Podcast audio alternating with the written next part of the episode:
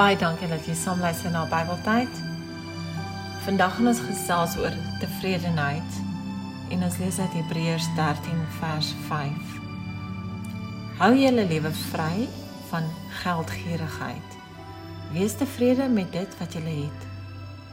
God self het gesê, ek sal jou nooit verlaat nie.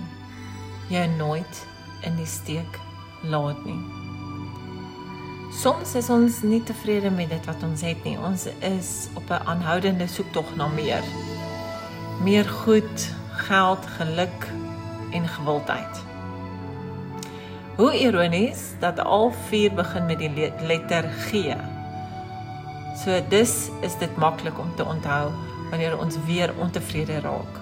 Onthou net die vier woorde: goed, geld, geluk, gewildheid.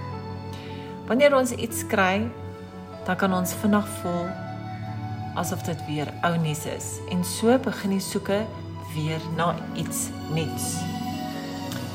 Paulus skryf in Filippense 4 vers 12 Ek weet wat armoede is en ek weet wat oorvloed is.